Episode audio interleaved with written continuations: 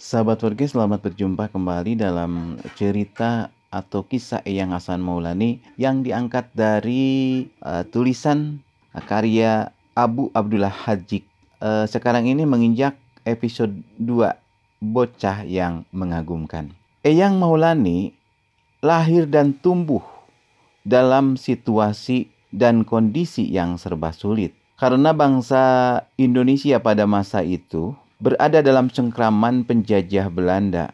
Seperti pada umumnya kehidupan masyarakat saat itu, Hasan Maulani kecil melewati masa-masa kecilnya dengan penuh kesulitan dan keprihatinan. Bahkan untuk memenuhi kebutuhan sehari-harinya, ia harus mengembalakan kambing orang lain. Namun demikian, ia tetap melakukannya dengan sabar dan tabah. Menginjak usia dewasa, Hasan Maulani mulai menunjukkan tanda-tanda akan menjadi orang besar. Ia memiliki sifat dan kebiasaan yang tidak seperti pada umumnya anak seusianya. Perangainya halus, hatinya lembut, rendah hati dan suka mengalah. Jiwa solidaritas dan kepeduliannya pun terhadap sesama teman sangat tinggi. Kelembutan hatinya ia tunjukkan tidak hanya kepada orang, bahkan kepada binatang sekalipun.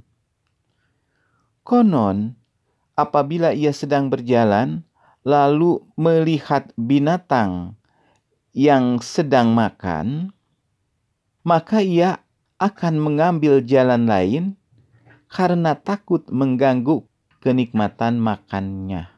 Terkadang ia juga harus berjalan meminggir ketika melihat ada semut di depannya agar ia tidak menginjaknya. Saat mengembala, Hasan Maulani senantiasa menyabitkan rumput untuk domba-dombanya. Ia tidak akan membiarkan binatang gembalaannya mencari makan sendiri.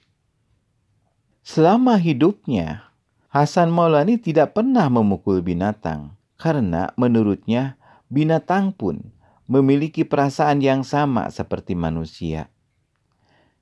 Ada beberapa hal yang menjadi pantangan Hasan Maulani, yaitu memakan sesuatu yang bernyawa atau vegetarian, mencela dan menggunjing orang, dalam satu surat amanat Eyang Maulani dituturkan lan aja cacat cinacat maring pada mukmin iku pucuke anak putune dadi apes kurang becik dan jangan saling mencela dengan sesama orang mukmin karena hal itu hanya akan menjadikan anak keturunannya lemah dan kurang baik. Selain itu, Hasan Maulani punya kebiasaan menyendiri dan mengamati apa saja yang dilihatnya.